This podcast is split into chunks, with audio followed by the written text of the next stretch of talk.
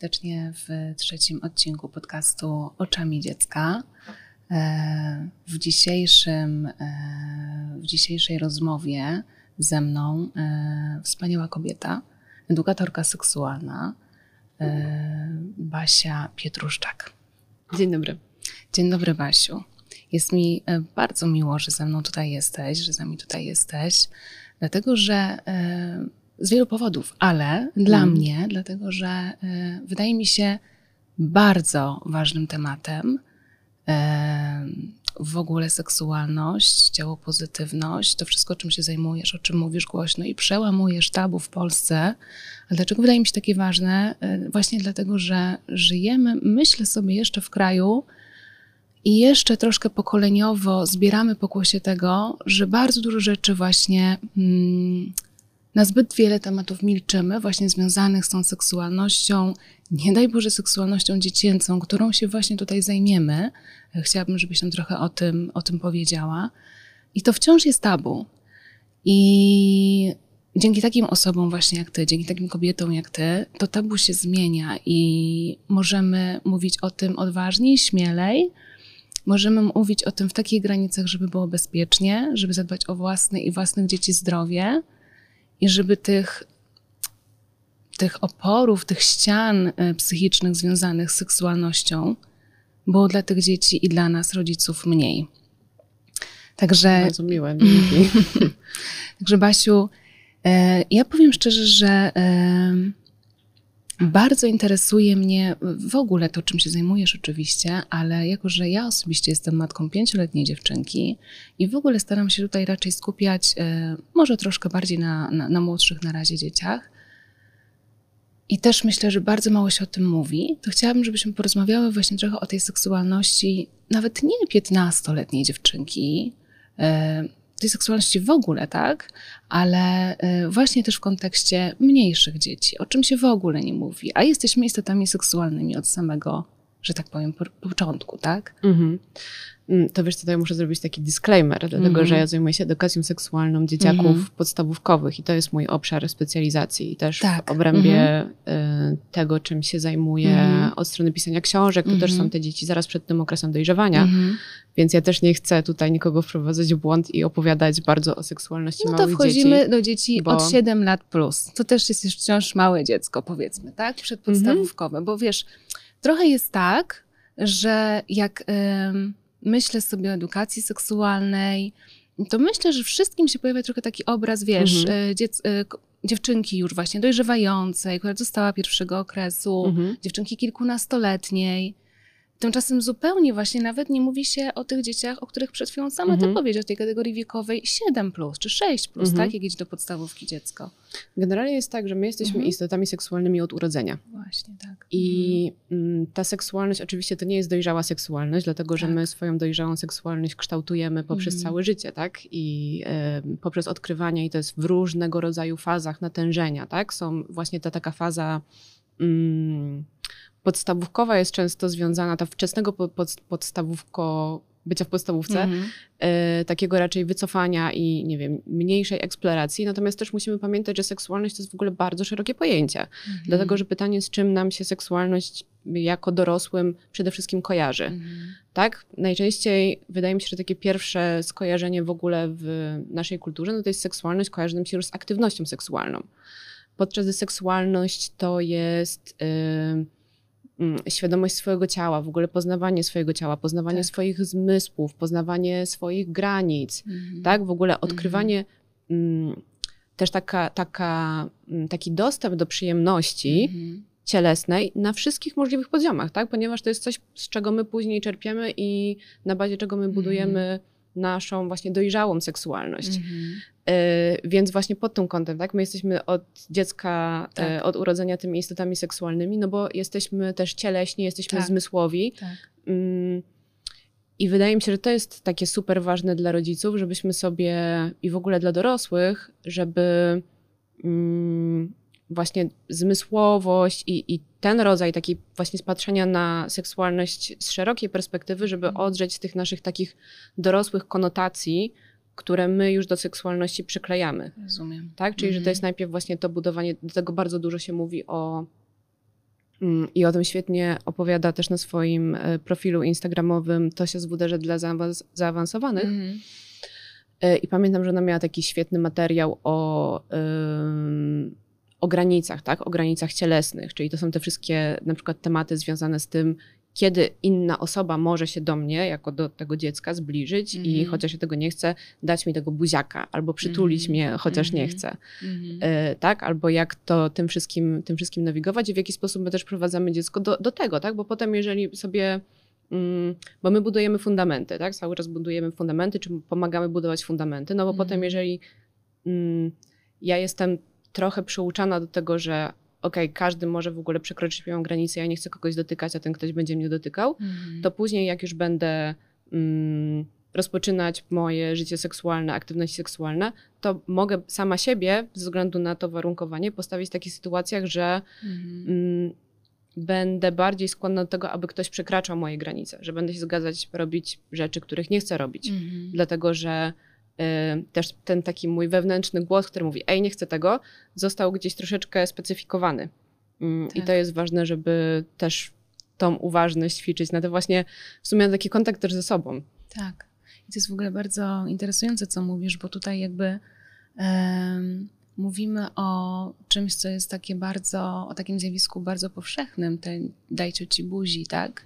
Więc to jest coś, co wydaje nam się takie łagodne, takie zupełnie bezproblemowe, że to jak to mogłoby potem wpłynąć na wiesz, no, no powiedziałaś o, o, ważnej rzeczy, tak? Tutaj mhm. dajcie ci buzi, a za chwilę granice mhm. w kontekście aktywności seksualnych jako dorosłej kobiety. Więc, e, więc, więc to jest w ogóle super, super ważne. I Też właśnie... chciałam od razu do, mhm. dopowiedzieć, to nie znaczy, że, tak, że jedna taka sytuacja się zdarzy Oczywiście. i my już robimy tej predestynację Oczywiście. życia seksualnego mhm. młodej osoby w jakiś sposób, tak? Tylko no, to jest oczywiście większa oczywiście. ilość czynników, mhm. też, która musi się jakoś, chociaż czasami dla niektórych osób też się zdarza, że to jest jakieś jedno takie mocno Zdarzenie. zapadające w pamięć wydarzenie, które no, E, dziękuję Ci bardzo i właśnie w tym kontekście super e, odnalazły się te młodsze dzieci, no bo to tutaj e, mm. najczęściej jest, jest, są te sytuacje takie pokoleniowe, dajcie Ci buzi i tak dalej. Natomiast też bardzo fajna, fajną rzecz powiedziałaś właśnie o rodzicach i tutaj też na tym mi właśnie zależało, bo ten podcast jest, no wiadomo, głównie do rodziców, tak, on jest do rodziców, dla rodziców, dla nas wszystkich. E, I, e, I powiedziałaś właśnie o tym, żeby nie dodawać tych konotacji, mhm. żeby zdejmować to tabu. To jest też dla mnie bardzo ważne, tak? Widzę, słyszę z innych historii, a nawet z własnego doświadczenia, że na przykład też kiedy pojawia się e, możemy mówić o, o dzieciach w różnym wieku. Tutaj ci absolutnie nie, nie, nie, nie, nie wyszczególniam jakiegoś wieku. Mhm. Na przykład to dziecko zaczyna właśnie dotykać swojego ciała w jakiś sposób, e, poznawać je po prostu, mhm. tak jak jesteśmy istotami cielesnymi i bardzo często właśnie jest to zawstydzanie dziecka w tym mhm. momencie pojawia się. E, e, albo zawstydzanie to może, może duża rzecz, ale takie mm, no delikatna sugestia, że to nie jest w porządku, tak? Że to nie jest ok, że robi coś, co nie jest ok. Mhm. Ja wtedy zawsze w takich sytuacjach mówię, ale dlaczego to nie jest ok, tak? I powiedz nam proszę, czy może mhm. to faktycznie, jak reagować na mhm. takie zawstydzanie dziecka? Co to zawstydzanie y, tak naprawdę y, może wyrządzić chyba niezbyt, niezbyt dobrego, jak sądzę. Mhm. No tak, no bo jeżeli mamy, kierujemy się naturalną ciekawością, tak, mhm. odkrywamy nasze ciało, odkrywamy też sposoby tego, w jaki sposób my możemy z niego czerpać przyjemność. Mhm. I to też ten rodzaj takiej eksploracji cielesnej swojego ciała jest różny na, w różnych, różnych etapach, tak? Mhm. Właśnie u, u, młodszych dzieci no to jest po prostu y, takie Odkrycie, tak, mam... że się ma pępek. Absolutnie tak. tak. Mhm. Y, natomiast w momencie, w którym my y, wchodzimy w takie doświadczenie z całą taką energią zawstydzenia, bo zawstydzenie y, właśnie niesie ze sobą też taki przekaz, że mm, no to jest coś, o czym trochę nie wolno mówić. Tak ja widzę, że ten rodzic jest trochę poirytowany, mhm. jest y, może też zawstydzony, że mm, coś się tutaj bardzo dziwnego wydarzyło. Y, to znaczy, że okej, okay, nie wolno mi tego robić, albo jeżeli ja będę to robić, to znaczy, że robię coś, co, czego mój rodzic nie aprobuje, więc no to jest jakieś płaszczyzna, żeby w ogóle poczucie winy się już zaczęło wytwarzać, tak? tak? Mhm. Podczas gdy to jest absolut, absolutnie zdrowa i naturalna aktywność. Mhm. tak naprawdę to, co jest najistotniejsze mm, w takim przekazaniu y, dziecku, to jest taki BHP.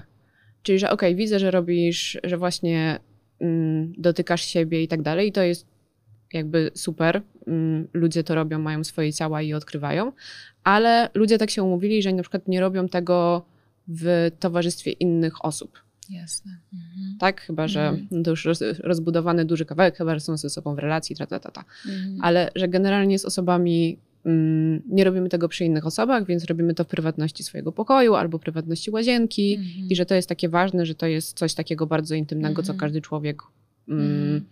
robi sam ze sobą. Mm, I jednocześnie to, co jest istotne, to jest y, drugi kawałek BHP, czyli zadbać o y, higienę. Mhm. Czyli żeby pamiętać, żeby mieć czyste łapki. Mhm. Y, I później pewnie już y, mm, też warto zaznaczyć, żeby nie używać jakichś innych przedmiotów do dotykania siebie, dlatego że to może, może się wiązać po prostu z wyrządzeniem sobie jakiejś krzywdy. W każdym razie rozmawiać. Tak. E, rozmawiać i nie bać się tej rozmowy.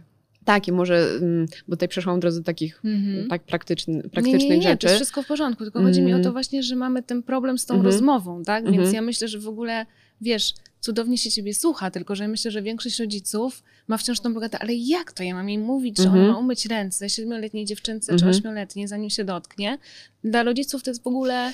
I dlatego właśnie trochę zaczęłam jakby od drugiego końca kija, bo pierwszy kawałek to powinien być właśnie taki, że my trochę zostajemy przy sobie i zastanawiamy się, co się w ogóle ze mną dzieje, czemu ja mam akurat taką silną reakcję na to, co się, jakby co robi moje dziecko. Tak. Y i co wtedy w ogóle przychodzi przez moją głowę, co przychodzi przez moje uczucia, jakie jest moje własne doświadczenie z dzieciństwa. Tak. Tak, no bo tak. no umówmy się, my po prostu prze, przenosimy pewne, pewne schematy mhm. mm, zachowań, przekonań z pokolenia na pokolenie. Y, więc to jest, y, to jest trudna praca, żmudna praca, ale y, koniec końców ona jest super istotna w tym, żeby mm, transformować te przekonania dotyczące seksualności i móc, móc już prze, przekazywać inny wzorzec, ale też uczyć się dzięki temu. Mm, może swoboda od razu to jest zbyt, zbyt wysoki pułap, tak? tak? Bo to jest okej, okay, że jeżeli my mhm. będziemy czuli, że my będziemy czuli skrępowanie mówienia o czymś, o czym z nami nikt w dzieciństwie nigdy nie mhm. rozmawiał, więc nie mamy tego mhm. wzorca. Dokładnie. Musimy, i, że to jest okej, okay, w porządku, możemy sami siebie trzymać za łapkę y, w tej, w tej podróży, ale najważniejsze to jest zacząć y, taką swoją trochę reedukację seksualną. I to mi się wydaje, że jest, tak jak mówimy dużo o edukacji seksualnej dzieci, to reedukacja seksualna dorosłych jest tak samo istotna, biorąc pod uwagę właśnie mm, edukację albo brak edukacji, które otrzymałyśmy, warunkowanie z domu i tak dalej. Rozumiem. A powiedz Basiu właśnie, y, jak tą reedukację zacząć? Bo mhm. może, wiesz, no to jest y, może nie takie jasne, prawda? Mhm. Po jakie materiały można na przykład sięgnąć? Mm, co, z mojego doświadczenia bardzo fajnie się sprawdzają w ogóle książki o dojrzewaniu. Mhm. E, jeżeli już mamy właśnie dziecko w okresie dojrzewania i to gdzieś, albo przed okresem dojrzewania tak naprawdę i ten mhm. temat gdzieś już zaczyna, zaczyna krążyć, chociaż równie dobrze on może się pojawiać dużo, dużo wcześniej. Tak mm, to te książki są o tyle przystępne, że są pisane prostym, zrozumiałym językiem, a mm -hmm. czasami te tematy związane z seksualnością, fizjologią, one nie są łatwe do zrozumienia, tak? Mm -hmm. e, mhm. przynajmniej te pisane na przykład już takim dorosłym językiem. To no, tak. ja tam, nie wiem, 30 razy czasami muszę czytać jedno zdanie, żeby zrozumieć, o co tam właściwie chodzi. Mm -hmm. I też mam takie doświadczenie y, od czytelniczek, mojej książki dla dziewczynek, Twojego ciało, ciało pozytywnego dojrzewania dla dziewczynek, że mm. wiele dorosłych kobiet pisało, że one same chciałyby móc przeczytać taką książkę wtedy, kiedy były y, małe mhm. i że to im samym bardzo dużo dało właśnie z takiego punktu ich własnej reedukacji seksualnej, jakiegoś Rozumiem. spotkania mhm. się mhm. mm, Myślę też z różnymi deficytami, tak, które mhm. my mieliśmy w, w czasie dojrzewania, tak? Mhm. Czy jakichś niepokojów, czy to, co się ze mną dzieje, to jest normalne i tak dalej. Na tę książkę starałam się napisać taki bardzo mm, przystępny, empatyczny, przystępny mhm. tak i, i mm, przejrzysty, przejrzysty sposób, ale mm, uspokajająco kojący, na tyle, na ile w ogóle to jest, to jest możliwe w książce o dojrzewaniu. I wydaje mi się, że rzeczywiście czytelniczki, czytelnicy gdzieś to też w sobie odnajdują. Mhm. Mm, więc to pomaga nam troszeczkę zaopiekować się tym takim obszarem z naszej przeszłości, chociażby. E, ale też te książki dla dzieci, przez to, że one pisane są właśnie tym prostszym językiem, mm, dają nam taką matrycę tego, w jakich my zdań w ogóle możemy używać. Rozumiem. Tak, że po prostu możemy sobie brać te zdania z tych książek i nie wiem, czasami też. Yy, I myślę, że to jest sensowne, żeby ćwiczyć się w wypowiadaniu pewnych słów, które szczególnie nam więzną w gardle, yy, przed lustrem. I mm -hmm. sprawdzać, ja sobie mogę sprawdzać, jak to jest mówić na głos, tak? Mm -hmm. Nie wiem, mhm. wagina, penis, mm -hmm. podpaska, miesiączka. Mhm. Każdy ma gdzie indziej te, te różne mhm. swoje obszary, gdzie ma, mm, nie, nie mogę tego powiedzieć, bo po prostu zapadnę się zaraz. To, co się dzieje i sobie w ten sposób sprawdzać. A poza tym są świetne książki w ogóle, no już dedykowane dla dorosłych, dotyczące seksualności. Z jednej strony seksualności dzieci i nastolatków jest e, świetna książka Nowe wychowanie seksualne Agnieszki Stein, mhm. E, którą bardzo, bardzo polecam. Jest też napisana bardzo prostym, zrozumiałym i czytelnym językiem.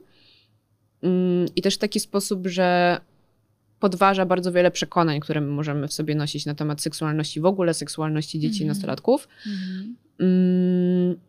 jeszcze. Y, I teraz mi wypadło z głowy, ale sobie, y, sobie jeszcze przypomnę jedną książkę, o której, mm o której chciałam powiedzieć. No i oczywiście mamy też media społecznościowe, w których mhm. pod kątem edukacji seksualnej mm, dzieje się bardzo dużo. Coraz więcej, prawda? Tak, to jest w ogóle jest jakiś jest ruch oddolny. jakiś takiej Potrzebny. Mikro, e, mhm. mikrorewolucji. Mm, no i tutaj już jest y, wspomniana przeze mnie wcześniej Tosia z WDŻ dla mhm. za, zaawansowanych, która sama mhm. jest y, edukatorką seksualną. Y, I z jednej strony na jej profilu na Instagramie znajdziemy treści właśnie dedykowane Mm, temu, jak rozmawiać z dziećmi na jakieś mhm. tematy, ale też takie, które my możemy sami wziąć dla siebie i je poobracać i tak dalej, bo ona też zajmuje się takim obalaniem różnego rodzaju y, przekonań. Jest też y, inny profil na Instagramie, Kasia, co z tym seksem. Mhm, tak, który jest już mhm. dedykowany mhm. pewnie dla, mm, no właśnie, to nie jest y, już nie dotyczący dzieci, ale w ogóle seksualności jako takiej, Y, też bardzo wartościowe i, i świetne treści. Więc tutaj naprawdę mamy gdzie się zasilać, mm. mamy gdzie, y, gdzie szukać. No i to też są takie osoby, które mm, rekomendują mm, i dobre książki, i dobre podcasty, takie rzeczy, którymi możemy się otaczać i, y, i sobie układać różne rzeczy. -hmm. Ale oczywiście, jeżeli jest tak, że mamy już szczególne trudności i czujemy, że mm, potrzebujemy jakiegoś prowadzenia, to bardzo fajnie jest też iść na konsultacje do seksuologa, do seksuolożki tak. i sobie już w, w, tym wsparciu z mhm. drugą osobą mm, pooglądać pewne rzeczy, które są dla nas szczególnie problematyczne. Pewnie. Nie bać się terapii. To wybrzmiewa w każdym moim odcinku. Nie, nie, nie bać się, chociaż y, no niestety tak, z dostępnością jest tutaj różnie, no i tutaj mhm. mówimy jednak o pewnej mm, no, nierównowadze dystrybucji terapii po prostu, ze względu mm. na mhm. dostęp e, dyktowany e, ekonomią. Mm-hmm. No tak. E, Basiu, i jeszcze a propos tego ruchu oddolnego, mm-hmm. tych inicjatyw, bo zauważyłaś sama, że jak mówisz, to mówisz właśnie o książkach, mówisz o mediach społecznościowych, komuś, o ludziach, którym się chce, ale nie mówimy w ogóle o szkole w Polsce. Więc ja wiesz, trochę się nie dziwię i dlatego też e, ta, rozmowa jest dla mnie taka ważna. Ja się nie dziwię, że e, ta seksualność jest tabu, jeżeli mamy 2023 rok, a w polskich szkołach wycofuje się lekcje z WDŻ-u, albo one są jakieś w ogóle pobieżne, albo są mhm. jakieś tam właśnie błędne przekonania powtarzane. Więc to jest w ogóle no, katastrofa dla mnie. I cały czas mówimy o ruchach oddolnych, tak? Gdzie jeszcze powiedz, upatrujesz mm, przyczyn, może nie win, może nie, nie, ale takich źródeł właśnie tego, że tak nam trudno mówić o tej seksualności dziecięcej i nastoletniej? Nam rodzicom głównie. Mhm. No bo powiedzieliśmy, że pokoleniowo, mhm. tak, jest to jakieś na pewno obciążenie. Mm, tak, no sami mamy po prostu jakiś wzorzec tak. odziedziczony mhm. y, i też y, tak naprawdę y, seksualność o tym y, u mnie na studiach mówiła bardzo dużo Agata Lewe, która jest założycielką Instytutu Pozytywnej Seksualności, że my żyjemy w ogóle w kulturze, która jest mm, seks negatywna. Tak. I stąd mhm. w ogóle powstała cała idea pozytywnej seksualności, mhm. czyli rozpatrywania seksualności jako czegoś, co jest z natury Dobre. pozytywne. Mhm. I w przeciwieństwie do tego, do tej narracji, którą mamy dominującą w Polsce, czyli tak. że jest seksualność, która jest groźna, tak? Bo w momencie, w którym yy, nie wiem, dziewczynki zaczynają miesiączkować, to było mm, bardzo powszechne z tego, co ja pamiętam, taki przekaz, że okej, okay, albo taki, taki niewypowiedziany strach, że okej, okay, teraz możesz zajść w ciążę. I jak zajdziesz w mhm. ciążę, to w ogóle tak, że mhm. seks równa się ciąża i y, to już jest jakaś groźba y, zwią- wiążąca się z, nie wiem, zaprzepaszczaniem reszty życia, tak, chociażby. Tak. Albo, mm, albo też to, co robimy jako dorośli, czy w ogóle cała nasza kultura robi, no to, że właśnie z jednej strony seksualizuje dzieci, i teraz co to znaczy seksualizowanie mm -hmm. dzieci? To jest stawianie dzieci w kontekście dorosłej seksualności. Rozumiem. Mhm. Czyli to jest takim najprostszym do wyobrażenia sobie przykładem, to są te konkursy Miss Piękności, tak, nie mhm. wiem, dla 6-7-latek. Mhm. Tak. Ale oczywiście to jest dużo bardziej zróżnicowane. W Google można sobie bardzo dobrze to zobaczyć na takim przykładzie, jak w wyszukiwarce obrazków wpiszemy uczennica i jakie nam się pokazują obrazki na wyszukanie terminu uczennica, a co nam się pokazuje, kiedy wpiszemy uczeń. Bo uczeń to jest po prostu Uczeń. dziecko mhm. chodzące do szkoły, a uczennica, tutaj mamy już te wszystkie właśnie sexy uczennice, kuse stroje i tak dalej. Jakby, że tutaj coś takiego... Wydarzyło się jakieś zupełnie tak, porozumienie. Coś takiego już się mhm. dzieje, no i tego... Mm, I mm, to jest jakiś taki w ogóle kłopot. Yy, jakaś bardzo duża trudność, no i dlatego tak bardzo potrzebujemy w ogóle i sami się redukować tej seksualności, żeby to wszystko lepiej, lepiej rozumieć, że mm, też media społecznościowe są bardzo nakierowane na mm, mm, poszukiwanie, jakby kierunkowanie się właśnie w stronę tej y, seksualności, która no jeszcze nie jest dla nastolatków chociażby, tak? Albo nie jest dla małych dzieci. No po prostu robią coś, co obserwują dookoła siebie, naśladują, nie, tak. nie rozumiejąc tego kontekstu, mhm. który mają dorośli odbiorcy. Mm, I na to też potrzebujemy jakoś zwracać, zwracać uwagę. Mhm. Mm, więc wracając do Twojego pytania, mhm. y, to na pewno jedną, jakby nasze przekazy kulturowe takie transgeneracyjne to jest jeden bardzo ważny kawałek, właśnie to takie negatywne odmalowywanie mm, seksualności. Z drugiej strony mamy kulturę masową, kulturę popularną, mhm. która bardzo do tej seksualności napędza, ale takiej seksualności bez zrozumienia. Ona też jest mm, jakoś nie nastrajająca do refleksji, tak? Mamy... E, jako rozrywka jest przedstawiana w kulturze Dokładnie. masowej, tak? Tak, albo jakiś rodzaj statusu, potwierdzenia mm, siebie, tak? tak? Zupełnie znowu oderwane od tego, mm -hmm. tak jak mówiłyśmy na początku, że my od, od początku naszego życia jesteśmy istotami tak. seksualnymi, to jest część naszego bycia. Tak. E, a to jest coś, co zostało od y, tego bycia oderwane i stało się produktem, zostało wpisane w cały tak. system kapitalistyczny sprzedawania różnych rzeczy. Tak. I to też znowu Y, tak jakbyśmy byli cały czas w takim gabinecie krzywych luster, tak? gdzie się nie spojrzymy, to jest jakaś perspektywa na tą seksualność, ale zupełnie mijająca się z sednem. Tak.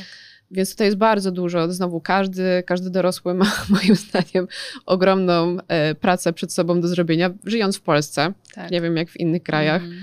Yy, z mojej strony, jak tak naprawdę każdej osobie znowu rekomendowałabym pójście na SWPS, na seksuologię praktyczną. Mhm. To są roczne, yy, roczne studia, które uważam, że są absolutnie wspaniałe i nie tylko dla osób, które chcą robić cokolwiek w tym kierunku, ale naprawdę, że to jest taka yy, paczka wiedzy, która potrafi, która robi rewolucję w postrzeganiu seksualności, jakoś mhm. mm, uwalnia bardzo ten obszar. No ale oczywiście też dorośli mogą pracować w innych mm, w innych grupach, bo wiem, że są grupy y, takie wsparcia, y, chociażby prowadzone przez w Warszawie przez Kasię Gałązkę y, w z Family Labu, mhm. gdzie dorośli mogą już swoim, w swoim gronie opowiadać o różnych trudnościach związanych chociażby z, właśnie z taką domową edukacją seksualną. To jest w ogóle bardzo ciekawe, co mówisz. Zasłuchałam się niesamowicie, bo to jest tak, że mówisz o wolności, hmm. a z drugiej strony właśnie wciąż jesteśmy w tym gabinecie tych krzywych luster, jak to pięknie ujęłaś. I ta wolność seksualna, no niestety ma trochę inne, y, wiesz, ja wiem o czym mówisz i to jest pięknie, no wolność właśnie wiąże się dla mnie, wolność równa się wiedza, mhm. Ale niestety konotacja jest taka właśnie w Polsce czy w kulturze, że wolność seksualna no to już jest takie wyzwolenie, to już nawet jest, powiedziałabym, rozpusta, szczególnie mhm. właśnie w kontekście kobiet. I jeszcze powiedziałaś właśnie bardzo ważne zdanie, jeśli chodzi o mm, ten przykład uczennicy ucznia.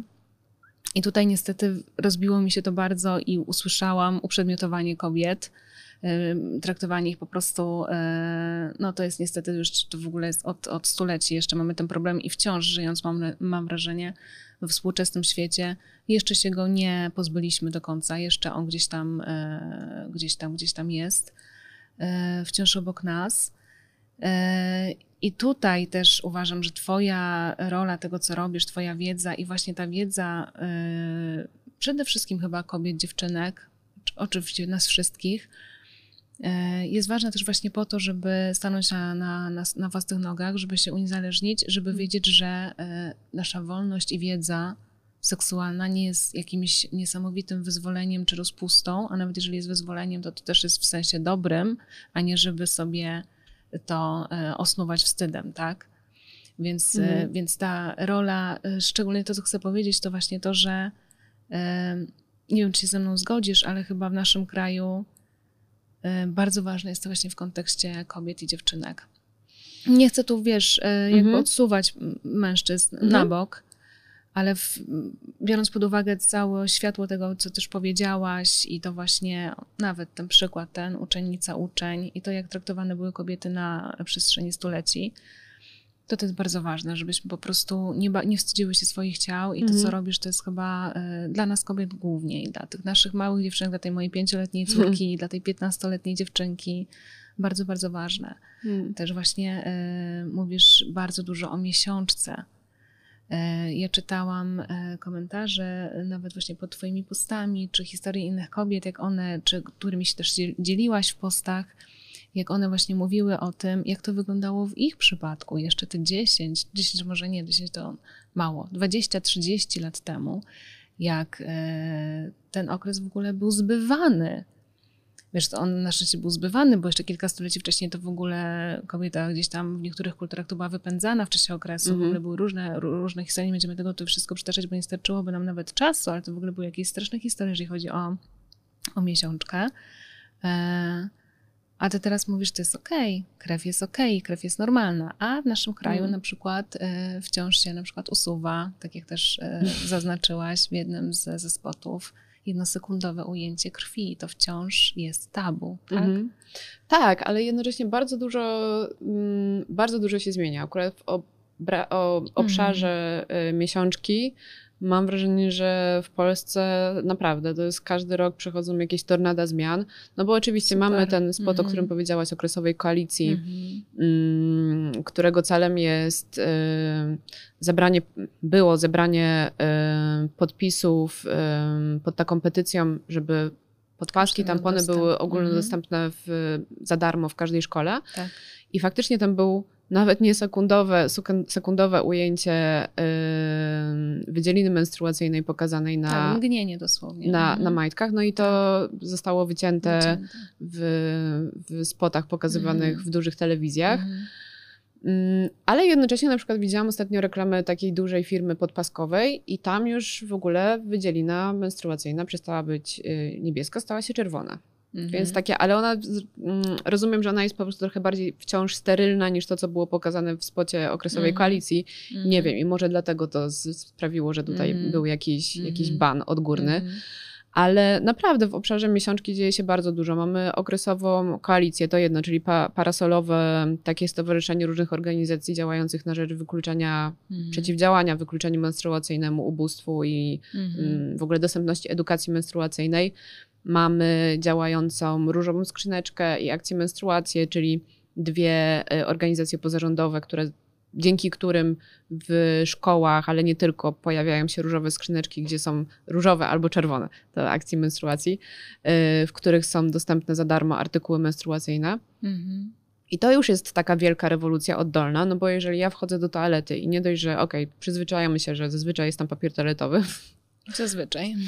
Powiedzmy. Mhm. E, ale jak tam są jeszcze artykuły menstruacyjne, to to już jest w ogóle jakby przestrzeń mówi sama przez, tak. przez się. Tak. Czyli, że a, okej, okay, czyli w ogóle mhm. wow, miesiączka istnieje, ktoś ją zauważył, ktoś pomyślał o tym, żeby dać tutaj podpaski mhm. i tampony, mhm. E, a nie znowu tą, tą osobę, która dopiero zaczęła menstruować, skazywać na upychanie sobie do majtek zwojów papieru toaletowego, tak? Co mhm. było jedyną opcją w momencie, w którym mhm. W polskiej, nie wiem, szkole, tak, zaskoczyła cię miesiączka. No, możesz no iść tak. do higienistki, jak mhm. masz y, szczęście, ale y, tak samo nie ma na przykład w polskich toaletach, y, a przynajmniej bardzo rzadko je widuję, takie automaty, gdzie po prostu można kupić podpaskę. Mhm. Tak? Nie wiem, co kojarzy z jakichś innych krajów, że można kupić batony i Coca-Colę przed tego. tak. Ale podpaski i tampony już, już niekoniecznie. niekoniecznie. Mhm. Więc to jest w ogóle bardzo duży krok. Poza tym o miesiączce naprawdę i dużo więcej się mówi, i dużo więcej się pisze. Yy, miesiączka zaczyna się pojawiać w ogóle w Sejmie. To są jakieś kosmiczne zmiany i to wszystko się wydarzyło na przestrzeni, tak licząc okładem od 2016 roku, mm, czyli to nam daje ile? 7, 7 lat. lat. Mhm niespełna dekada i tyle zmian, prawda?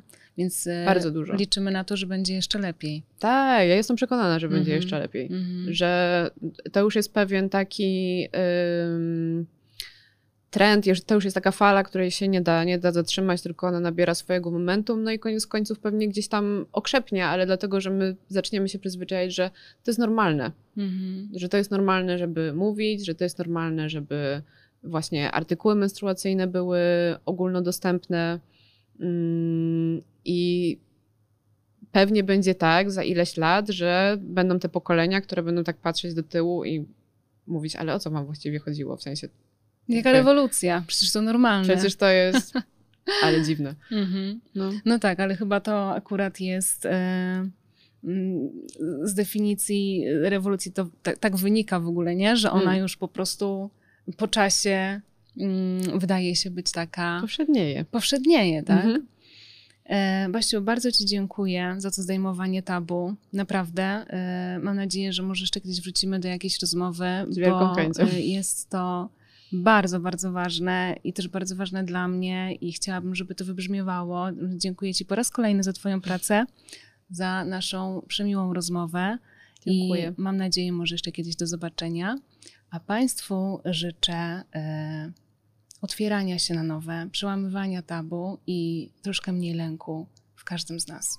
Dziękuję Wam bardzo.